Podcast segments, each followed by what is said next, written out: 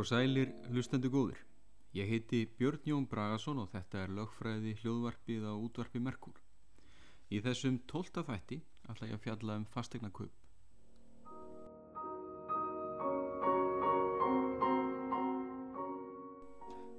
Valdið leitar fyrir eða síðar þangað sem eignirnar eru. Þess vegna er eignadreifing ein megin fórsetta virks líðræðis.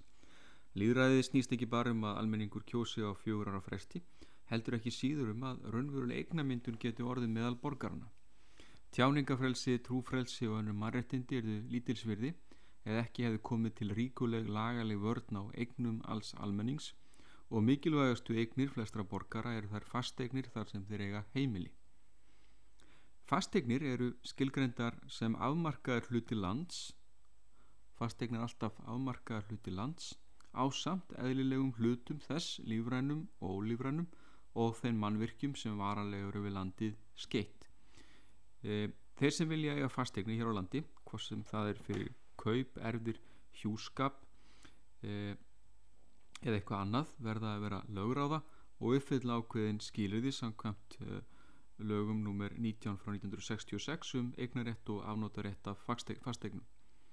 Um einstaklinga gildi svo meginregla að viðkomandi sé íslenskur ríkisborgari og hafi átt hér lögheimil í 5 ár. Frá þessu eh, er heimilt að vika með samþykki dómsmálaráðaneytis.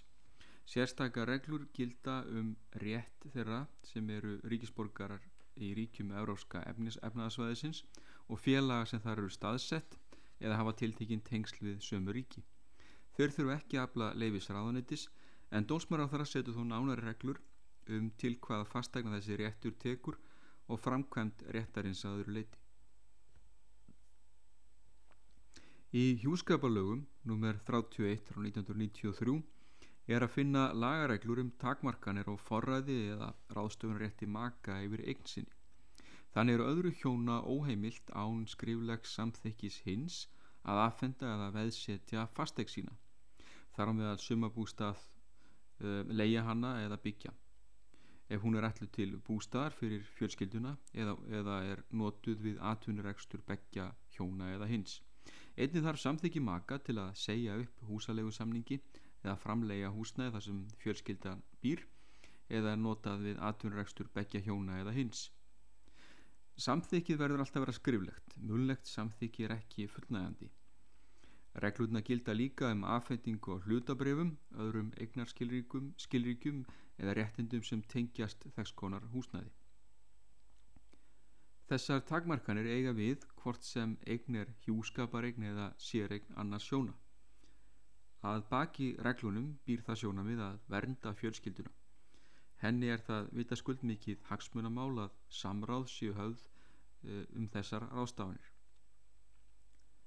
Reglur þessar um, eiga einungis við um fólki hjúskap en ekki um fólki óviðri sambúð en án að veru fjallaði um munin á þessum sambúðarformum í næsta þætti. Nú samningar um fastegna kaup eru þeir algengustu og þýðingamestu sem venilegt fólk gerir sína milli e, og því er afar brínt að viðskiptum með fasteignir kvíli á tröstum grunni. Lögum fastegnarkaup gilda um kaup á fasteignum en þau eru frávíkjanleg það er að segja semja má með öðrum hætti en þau kveða áum nema þegar um svo kallu neytenda kaup er að ræða. En neytenda kaup eru kaup á fasteign af seljanda þegar salan er liður í atvinnistarsumi hans og eignin aðalega ætluð til persónulegra afnóta fyrir kaupanda. Laugin veita þannig kaupendum í neytandakaupum og frávíkjanlega lágmarksvernd. Sjaldanleikur vafi á því hvort sem, það sem fólk vil kaupa eða selja er fastegn eða lausafíja. Það er helst í tveimur tilvikum, tilvikum sem spurningar vakna. Annars vegar þegar við erum að selja hluta í fastegn, til dæmis hluta af íbúð, uh, segjum 25% tiltekins íbúðarhús eða atvinnu húsnæðis og svo framvegs með slík kaup á að fara sem fastanakaup. Nú hins vegar eh, geta spurningar vaknað þegar verið að selja sumarhús eða nú smáhúsi. Ef til dæmis sumar, sumarbústaður er byggður á söklum eða með öðrum hætti var, varanlega skeittur við land að því að var þar ytri frágang og réttindi til landsins að þá er hann fastegn. Annars er að lausa fyrir Sumabústaður sem er ánlóðaréttenda og er seldu til flutnings er ekki fastegn. E, áður en ráðist er í fastana kaup þarf verðandi kaupandi að áætla hvað íbúið með kosta. Nokkuð tíma getur tekið að spara fyrir útborgurinni og því mikilvægt að byrja sem fyrst að hafa sparnaðar áallin. E, Bóður upp á sérstaklega húsnaði sparnaðar reikninga í böngum sem hagstækt getur verið að nýta sér. Almennt gildir að útborgun þurfa að vera lámarki 15% af kaupverði fastegnar. Síðan þarf að kanna lánakjör og til hver langs tíma lán er tekið. Hver mikið vil kaupandi hafa á milli handana eftir allir reikningar hafi verið grittir í hverjum mánuði. Á grundvelli þessar upplýsinga má framkama bráðabyrða greiðslumat og þá er ekkert að vanbúnið að hefja leitað réttu fastegninni. Þegar þar er komið sögu er að mörgu að higgja, svo sem fjarlæði frá vinnu og skóla, hver viðhalsörf er á komandi missurum og svo mætti lengi telja. Til að glögga sig á virði fastegna er til dæmis hægt að leita í fastegna skrá sem finna má á VF þjóðskrár Íslands. Fastegna sölur bjóða líka upp á vermategna, jafnvel endurgjaldslust og án skuldbundinga. Áður en tilbúður gert í fastegn þarf að yfirfara vel sölu yfirlitt en sölu yfirlitt er skjál sem fastegnasæli útbýr og hann hefur þá skildu að tryggja að þar sé að finna réttar upplýsingar um allt sem áli skiptir við kaupin. Þar á meðal sölu verð, staðsetningu, stærð, fastegna númer, byggingar ár, fastegna mat, lóðamat, brunabótamat, veðskuldir, hvaðir og hannur egna, egna höft kostnað kaupanda við kaup, eignaskipta yfirlýsingu og yfirlýsingu húsfélags. Ef skortir á einhverja þessar upplýsinga þá telst fastegn gölluð. Nú þá er að gera kauptilbóð en það er bindandi og þess vegna mikilvægt að vera þess fullviss að allar fórsendur séu til staðar og að þetta sé fastegnin sem þú kýst að eignast. Kauptilbóð gilda yfirleitt í aðeins stuttan tíma og fastegnasalinn sem annarst söluna aðstóðar við tilbúðskerðina. Í tilbúðinu þarf að koma fram kaupverð, afhendingardagur, með hvaða hætti greiðslur skuli inn af hendi, upphæði láns sem tekið er og fyrirvarar um fjármögnun, yfirlýsingu húsfélagsins eða önnur vafaatriði. Tilbúð eða gagtilbúð í fasteg þarf að vera skriflegt og þarf að koma fram skuldbytting um afhendingu eignarinnar og greiðslu tilgreints kaupverðs.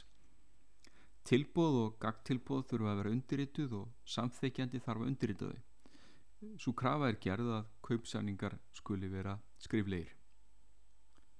Á kauptilbóðs eðublaði sem er notað segir að með samþykji þess sé í raun komin á samningur. En þó er gert ráð fyrir því að gerður sé kaupsamningu milli aðla þar sem eftir atveikum er mælt nánar fyrir um kaupin. Tilbóði fastegn er skuldbindandi um leið og það kemur til vitundar seljanda og samningu tels komin á þegar seljandi hefur samþygt tilbóðið. Þegar kauptilbóð hefur verið samþygt fer fram formlegt greiðslumat lögum sangkvæmt en þá er reiknuð út greiðslubyrði kaupanda. Inn í þessum reikningi eru tekjur og önnur útgjöld, rækstur bifræða, greiðslur af öðrum lánum og svo framvegis. Lífeyrissjóðir, bankar, húsnæðis og mannverkjastofnun uh, veita húsnæðislána á fyrsta veðrétti. Mögulegt er að bera saman kjör þeirra á heimasíðunum Urbjörgu og Herborgu. Og hafi kaupandi staðis greiðslumat og, komin, og er komin með lána fyrir greiðslu er kaupsamningur undirritaður. Hann er endalegur samningur kaupanda og seljanda og í hennum koma fram öll helstu samningsatriði og endanlegt verð. Við undirritun kaupsamnings fer oft fram fyrsta greiðsla en í samningnum er tilgreint hvernig greiðslum er háttað og hvenar uh, afhending eignar og afsals fer fram. Mikilvægt er að kaupandi sé myndur á að það hefur mikla þýðingu fyrir, fyrir hann til vendar rétt, á rétti hans, sakað kaupsamningi, að hann láti þinglýsa samningnum. Með þinglýsingu kaupsamnings öðlast kaupandin vernd gegn viðsemjandum seljanda og skuldtemtumönum hans. Þinglýsingi fer fram hjá síslumanni í því umdæmi sem fasteignin er og tekur um 5-10 daga í framkvæmt.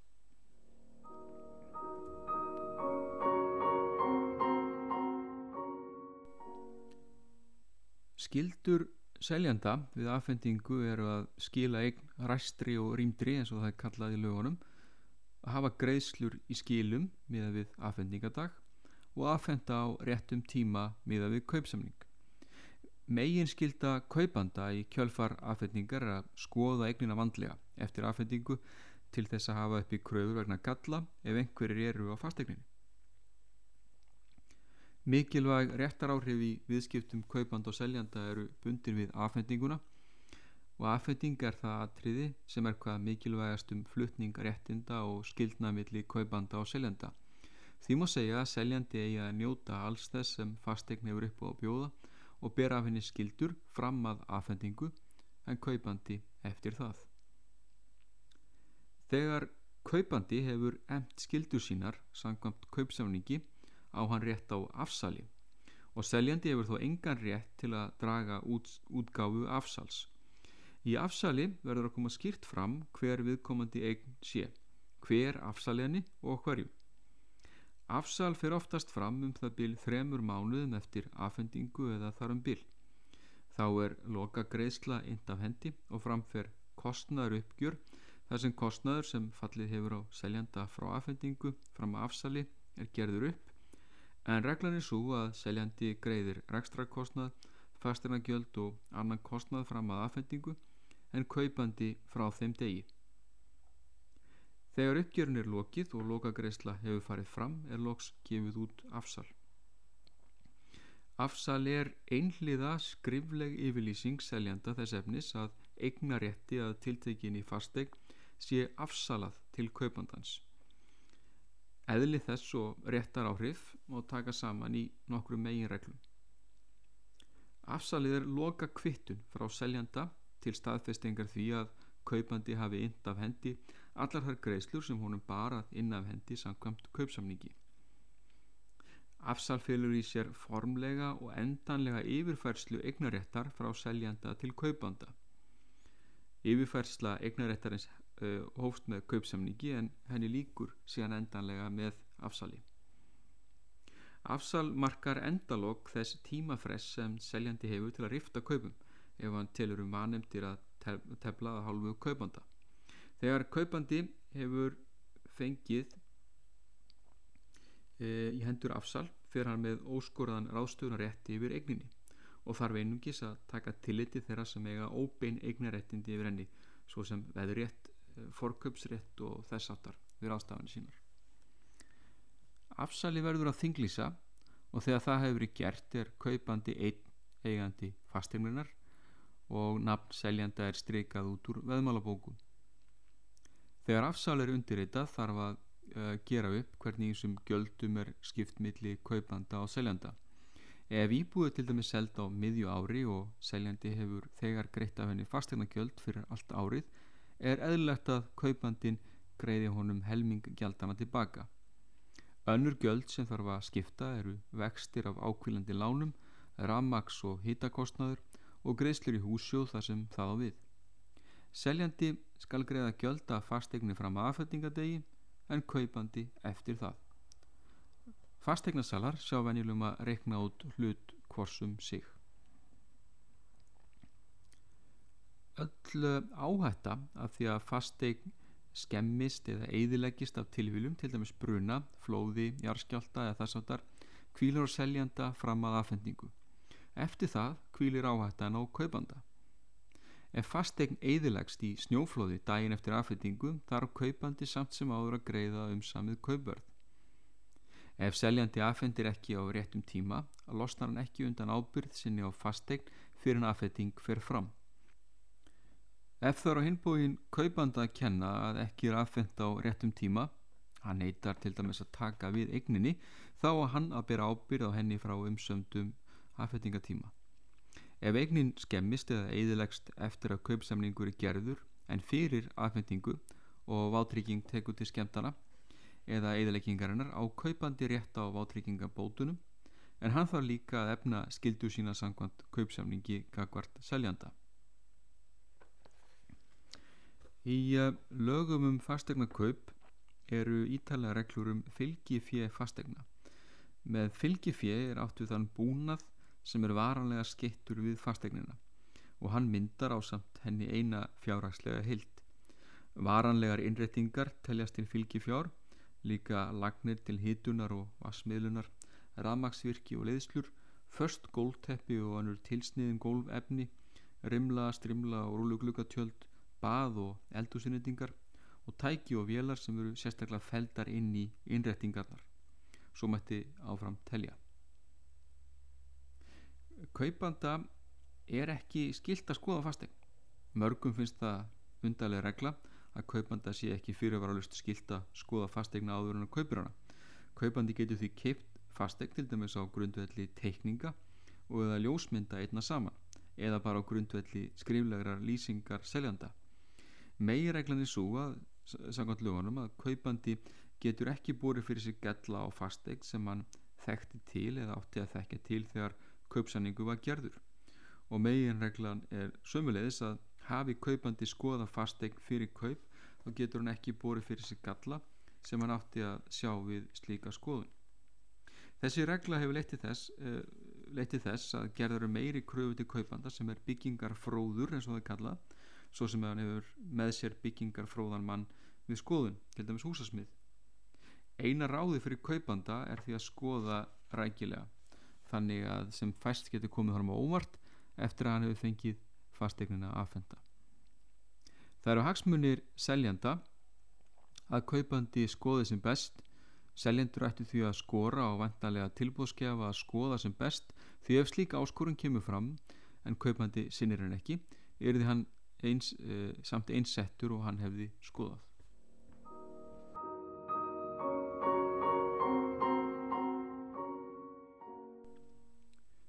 Þá skulum við vikja að vanemdum kaupsamlings. En fastegn hún telst gölluð ef hún stennst ekki þar kröfur um gæði, búnað og annað sem leiðir af fastegna kaupum og kaupsamningi. Til viðbúta við þessu verður eign að standast þar kröfur um að vera hæft til notkunar. Þar er þess að fastegni verður henda til þeirra almennu og sérstöku nota sem svipaðar eignir henda almennt til eða kaupandi hugðist nota hana til og seljandi við sum. Sá sem kaupir íbúðarhúsnaði má almennt ganga þannig út frá því að það sé hæft til íbúðar. Seljandi sem veitum tilgang kaupanda ber ábyrð á því að eignin sé með þessum búnaði. Ef hann vill það ekki verður hann að gera kaupanda það ljóst að hann ábyrgist ekki að eignin sé hæft til þessar að nota. Seljandi sem enga hugmynd hefur um það til hvers kaupandi allar að nota húsnaði er á hinbóin ekki ábyrgur ef kaupandi gerir grein fyrir því eða til hvaða nota hann allar, allar að nota eignina. E, Notuð fastegn telst ekki gölluð nema ágallin rýri verðmætti hennar svo nokkru varði eins og það orðað eða seljandi hafi sínt af sér sagnæma hátsemi Þessi regla á aðeins við um notaðar fastegnur og henni verður, henni verður heldur ekki beitt ef hátsemi seljanda er sagnæm það er ef hann hefur lengt kaupanda ágöllum Seljandi sem fullnægt hefur upplýsingarskildu sinni og komið heiðarlega fram í kvívetna þarf almennt ekki óttast að hátt sem er hans verið talin sagnæm. Þeir ágallar sem eh, hér er fyrst og fremst verið að út, útýsa eru atriði sem teljast til venjuleg slits þar að segja brotin, stormjárn, uh, væli í krönum, óvirk, eldavilar hella, sprunga í litlu rúðinni vingangin, móðamelli glerja í eldúsi og svo framvegs í nótuðum húsum er alltaf hægt að finna slíka galla. E, menn getur alltaf týnt til slíka vankanta og með því að reikna viðgjara kostna þessar ágalla og kaupa á nýju geta úrbætur vegna þeirra samalagt oft kosta verulega fjárhæðir en spurning er hvað ágallatni þurfu að vera miklir til að geta talið skallar. Það fyrir eftir því hvað fastegni gömul. Þá þarf uh, mun meira til í 100 ára gömlu húsi en því sem var reist fyrir tíu árum svo dæmi sér tekið. Verður rýrnun fastegnar verður að nefna alltaf 10% vegna galla í fastegn sem eru á nokkur ára gömul eða eldri til að svona teljist göllu á hinbóin ljósta sá sem kaupur einsás gamalt íborhúsnaði þarf ekki að sætta sig við neina teljandi ágalla. Rispur á skápurðum teldust í mögulega til galla í nýju húsnaði fyrir kaup á seljandi að veita kaupanda þar upplýsingar sem hann veit eða má vita að kaupandi mátti með réttu búast við að fá. Seljandi þarf ekki að upplýsa, upplýsa kaupandi um það sem hann vissi um að kaupandin eh, sér að rábótavand nú fastegn telskölluð ef kaupandi hefur ekki fengið þær upplýsingar um hana sem seljandi vissi eða mátti vita um og kaupandi hefur réttmæta ástöðu til að ætla að hann fengi Þetta gildi þó aðeins ef hann hefur haft áhrif á gerðið eða efni kaupsamnings að upplýsingarna voru ekki veittar. Sem sagt skortur og upplýsingum verður að hafa einhverju þýðingu. Fasteig telst gölluð ef hún er ekki samræmi við upplýsingar sem seljandi eða þeir sem koma fram fyrir hans hönd hafa veitt kaupanda. Þeir sama á við ef fasteignin er ekki í samræmi við upplýsingar sem veittar er í auðlýsingum, sölu, sölu yfirliti eða öðrum sölu og kynningargögnum. Kaupandi getur átt rétt til skafabóta eða fastegnir göllu. Með svipuðum hætti og áviðum afslátturum skilir til skafabóta einfölduð í lögum um fastanarkaup en á móti kemur að greint er milli beins og óbeins tjóns. Við skulum líta á hestartadóm frá 2004, hann er frá 27. mæ frá því ári, númer 486 uh, frá árinu 2003. Eh, þá hafðu A og G keft forskala timburhús sem reyndist undirlagt af veggja títlu Dómkvættir matsmenn komast að þeirri niðurstuð að treverk húsins teldist ónýtt A og G kröfuð skadabóta eða afsláttar úr hendi seljanda Ósanað var að fyrri eigundur hefði vitað um tilvist veggja títlana og ekki var séð að þeir, að þeir hefði ábyrst nokkuð í þá veru. Skadabótakröfunni var því hafnað. Afsláttarkröfu þeirra var afsláttarkröfu stefnanda var sömulegis hafna þar sem ekki tókst að sína fram á að uh, húsið hefði við sölu verið haldið þessum annmarka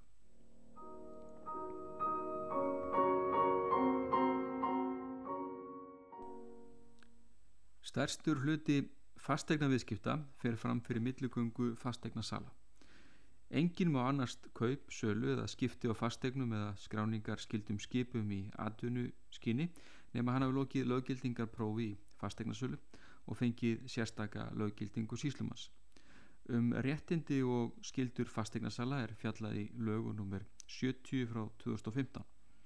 En fastegnasalar verða að vera löguráða og hafa haft forræði á búi sínu undanfærin tíu ár. Þar að þeir megi ekki hafa verið undir gjaldrótaskiptum þann tíma.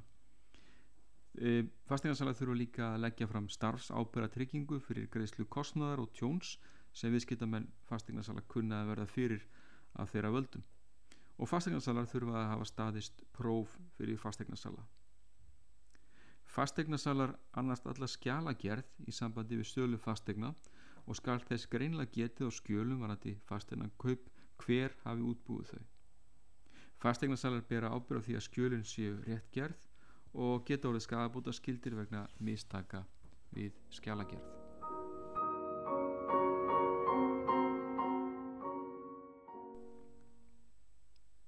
Við skulum þá vikja að veðum, en veðréttindi eru takmörkuð eignaréttindi og jafnframt tryggingaréttindi sem veita þeim sem réttindin eiga, þar að segja veð hafa, þann forgangsrétt að mega undan öðrum kröfuhöfum taka við greiðslu af peningaverði ákveðin regnar sem annar maður sem við kallum veð þóli hefur sett honum að veði og fá þannig fullnustu fjárkröfu sem ekki hefur verið greitt dæmi um þetta má nefna ef A veitir B lán gegn veði í húsegnans B greiðir ekki lánið A getur þá krafist þess að húsegn B verði selta á uppbóði og fengið fullnustu kröfu sinnar af söluverðinu á undan öðrum viðskiptamönnum og skuldtöndumönnum B.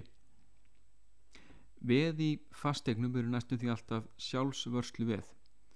Veðréttindi e, eru talin til sjálfsvörslu veð ef veðsali heldur umráðum veðs þrátt fyrir stofnun veðréttar. Sem dæmi um þetta er launþegi sem fær lán hjá lífeyrissjóðu sínum gegn veði í íbúðsynni sem hann býr áfram í. Launþegin er því veðsalinn, þar sem veðþóli, en lífeyrissjóðurinn veð hafi. Þetta er svo veðsetning sem allur almenningu þekkir og flestir sem kaupa sér húsnæði þurfa að ganga í gegnum.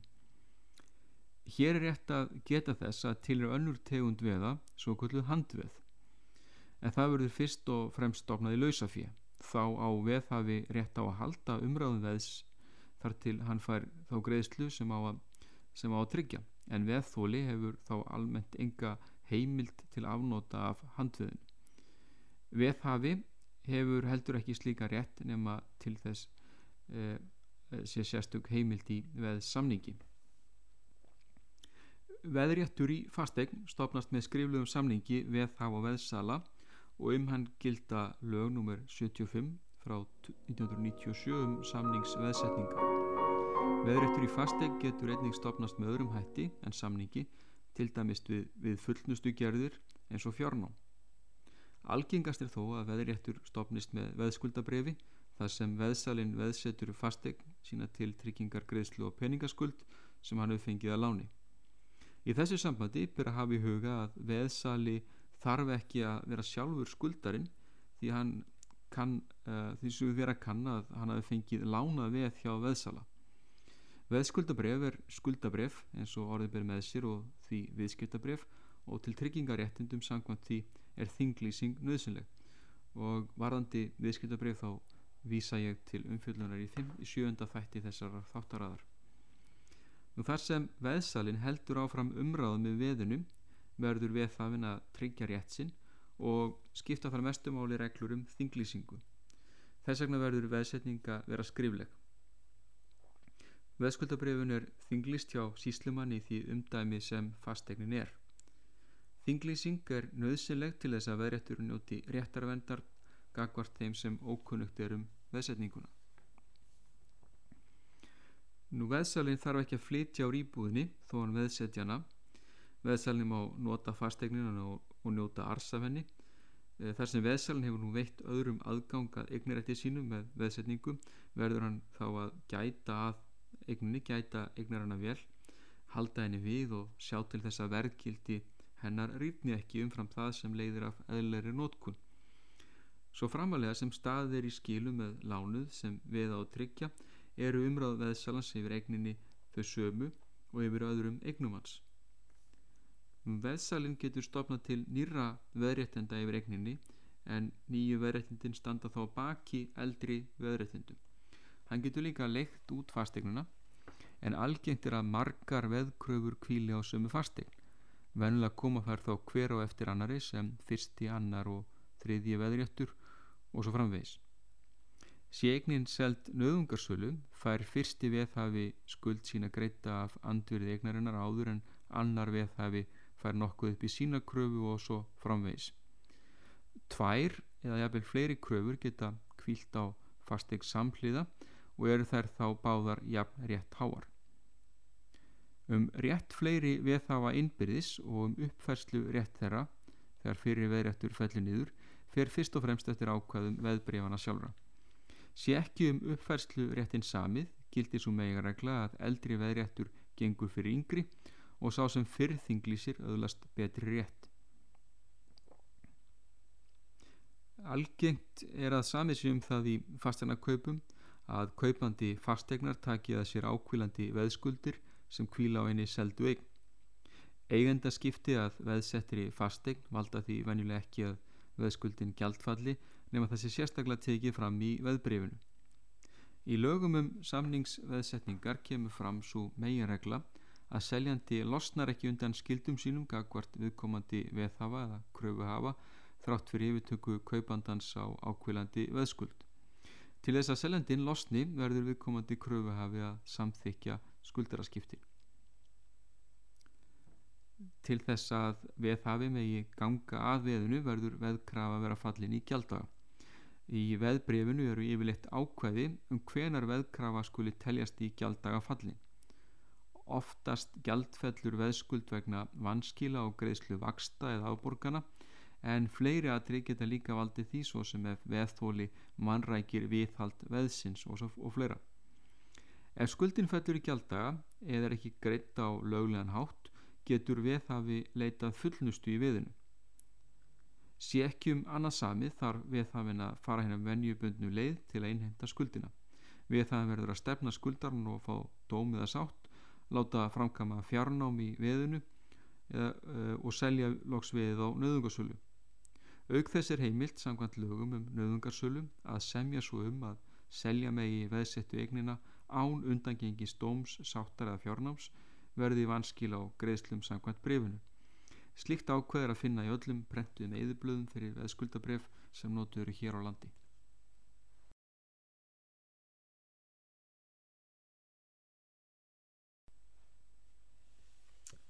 Víkjum þá sögunni að þinglýsingum. En um þinglýsingar gilda lög nr. 39 frá 1978 og þinglýsingar fara fram hjá síslumönnum í þeim umdæmum þar sem fastegnin er. Þinglýsing er ofinberð skráning á réttendum manna og lögæðala yfir fastegnum og öðrum eignum sem falla undir þinglýsingalögin til þess að þau njóti réttarvendar gagvart þriðjamanni. Ákveðin réttindi eru tengd við en ofinberð skráningu.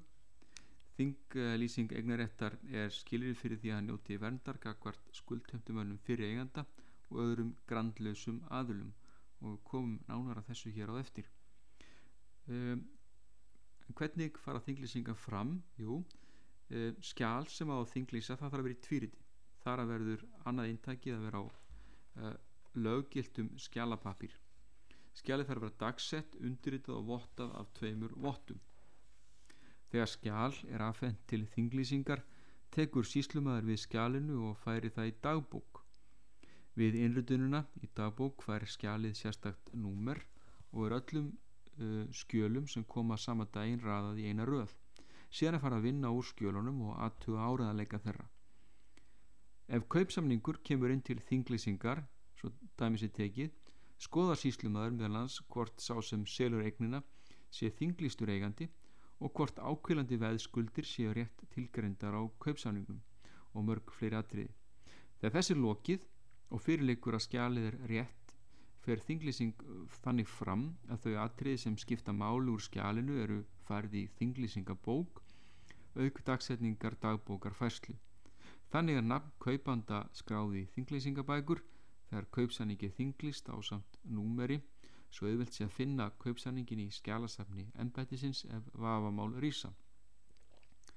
Síslumöður heldur því eintaki sem skilað er á löggiltum skjálapapir en stimplar hitt eintækið og afhendir réttum aðila. Rétt er að benda á ekki má afgreða skjölin samdægus. Nafnið þinglýsing er tilkomið með þeim hættið að fyrra á öldum fór þinglýsing þannig fram að skjölin voru lesin upp á manntalsþingum sem svo voru köllið og framfóri í reppum landsins. Á síslumanns embættunum eru haldnar bækur sem endar eru þinglýsingabækur eða veðmálabækur. Þessar bækur innihalda ákveðnar upplýsingar um allar fasteignir á landinu. Upplýsingarnar varða meðalans hverjir séu eigundur fasteignina, hvaða veðréttir, hvaðir og önnur réttindi kvíla á þeim og svo framvegis. Hvöð þýðir venjulega það að eigandi fasteignar verður að tóla nótkun annars manns eða annara manna á fastegninni til dæmis að rafveitan hafi heimil til að selja lítið hús undir spennustöð og lóðhans eh, setja lítið hús á, á lóðina eða nágranni hans segi rétt til að aga um lóðhans til að komast að sínu húsi. Þetta eru dæmi um hvaðir e, úr veðmálabókunum má síðan fá þinglýsinga vottorð sem er vottorð um það sem skráðir um hverja eign í bókum þinglýsingar ennbættana Þinglýsingavottur á að liggja frammi þegar ráðst á eign, til dæmis selja hana eða veðsetja, til þess að sá sem öðlast vill réttindi yfir eigninni geti gengið úr skuggaðum hvern ráðstöfun rétt viðsemjandi hans, viðsemjandi hans hefur. Síslumöður hann skráður einnig hvað er á lausafjö, til dæmis bílum, þó hann haldi ekki þinglýsingabækur um það hverju séu eigundur lausafjári í landinu. Þannig er bíl ekki skráður í þinglýsingabækur nefn einhver taki veð í honum hvort sem er fullnustu veð eða samningsveð. Þinglýsingum fylgja margvísleg réttar áhrif en mikilvægust eru svo kölluð forgangsáhrif. Réttar áhrif þinglýsingar miðast við þann dag sem skjalið er lagt inn til síslumanns Skjalið telst affent til þinglýsingar á þeim degi sem tilgrendur í dagbók nema full sönnun komið fram um hið gagstaða Skjál sem kemur fyrr til þinglýsingar er rétt hærra en það sem síðar kemur þótt að fyrra sér dagsett á eftirinu síðara. Ef tvö skjöl sem ekki fá samrýmst eru aðfendt til þinglýsingar sama daginn eru þau jafnstæð að þinglýsingar gildi. Nú þinglýsing er ennfremur nöðsynlega til að veita nýjum eiganda formlega heimild sem eiganda fastegnarinnar hafi eigandi ekki þinglesna eða þinglista eignarheimild þar að segja afsal getur hann ekki ráðstafa eigninni. Hann getur ekki veðsett hana eða selt og svo framvegs án þess að aðtóðsend veri gerð um heimildar brest hans við þinglýsingu skjala varandi þær ráðstafanir.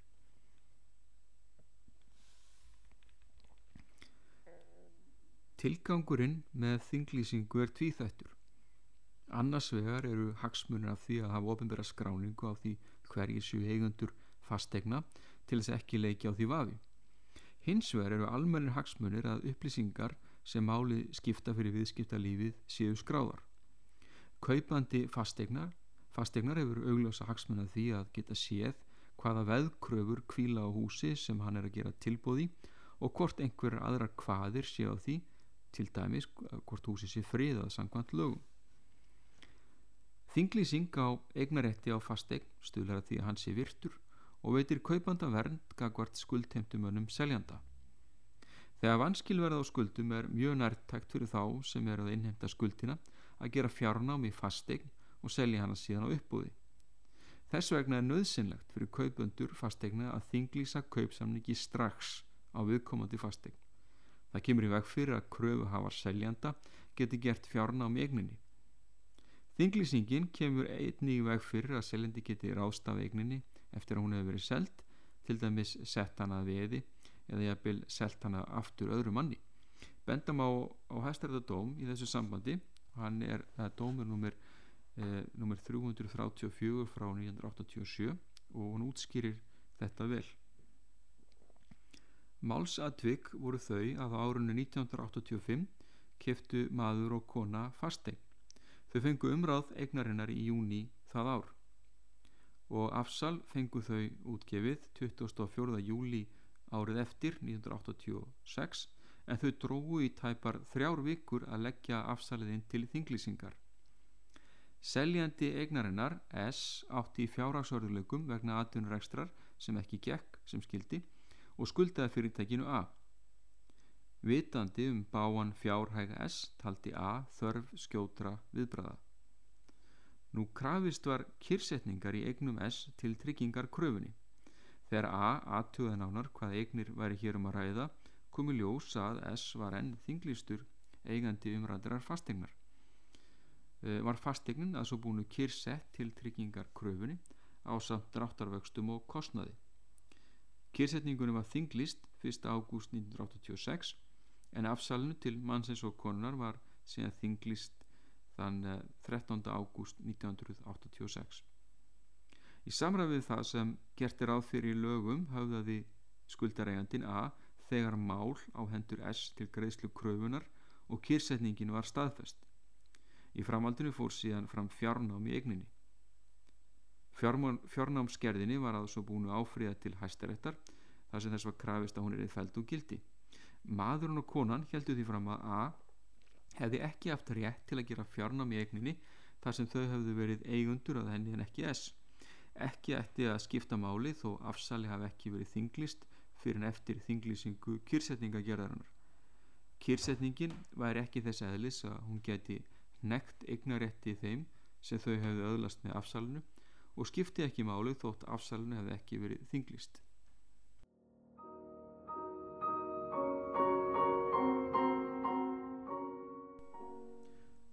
Af hálfu A var því haldið fram að kyrsetningin skapaði rétt sem gengi framar rétti mannsins og konunar þar sem henni verið þinglýst áður en nokkur eignarheimild mannsins og konar var þinglýst og vittnaði S til þinglýsingalagana máli sínu til stuðnings.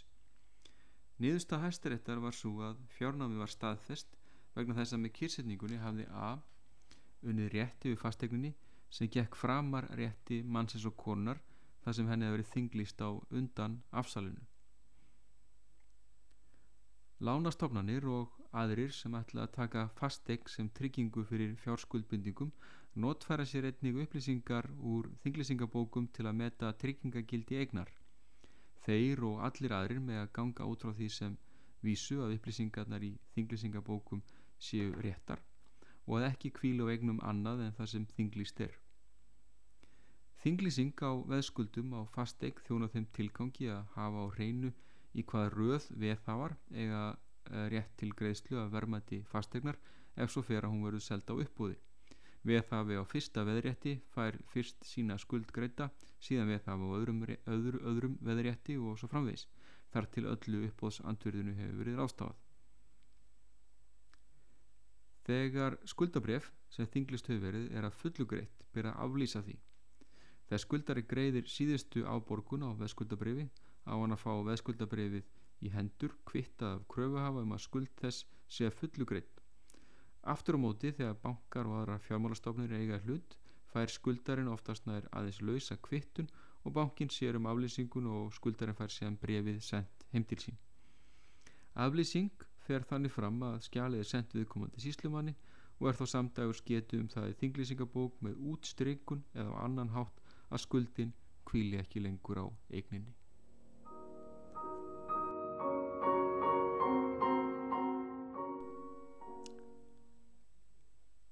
Við skulum þá vikja sögun eða fjölegnar húsum en um fjölegnar hús gilda lög nr. 26 frá 1994.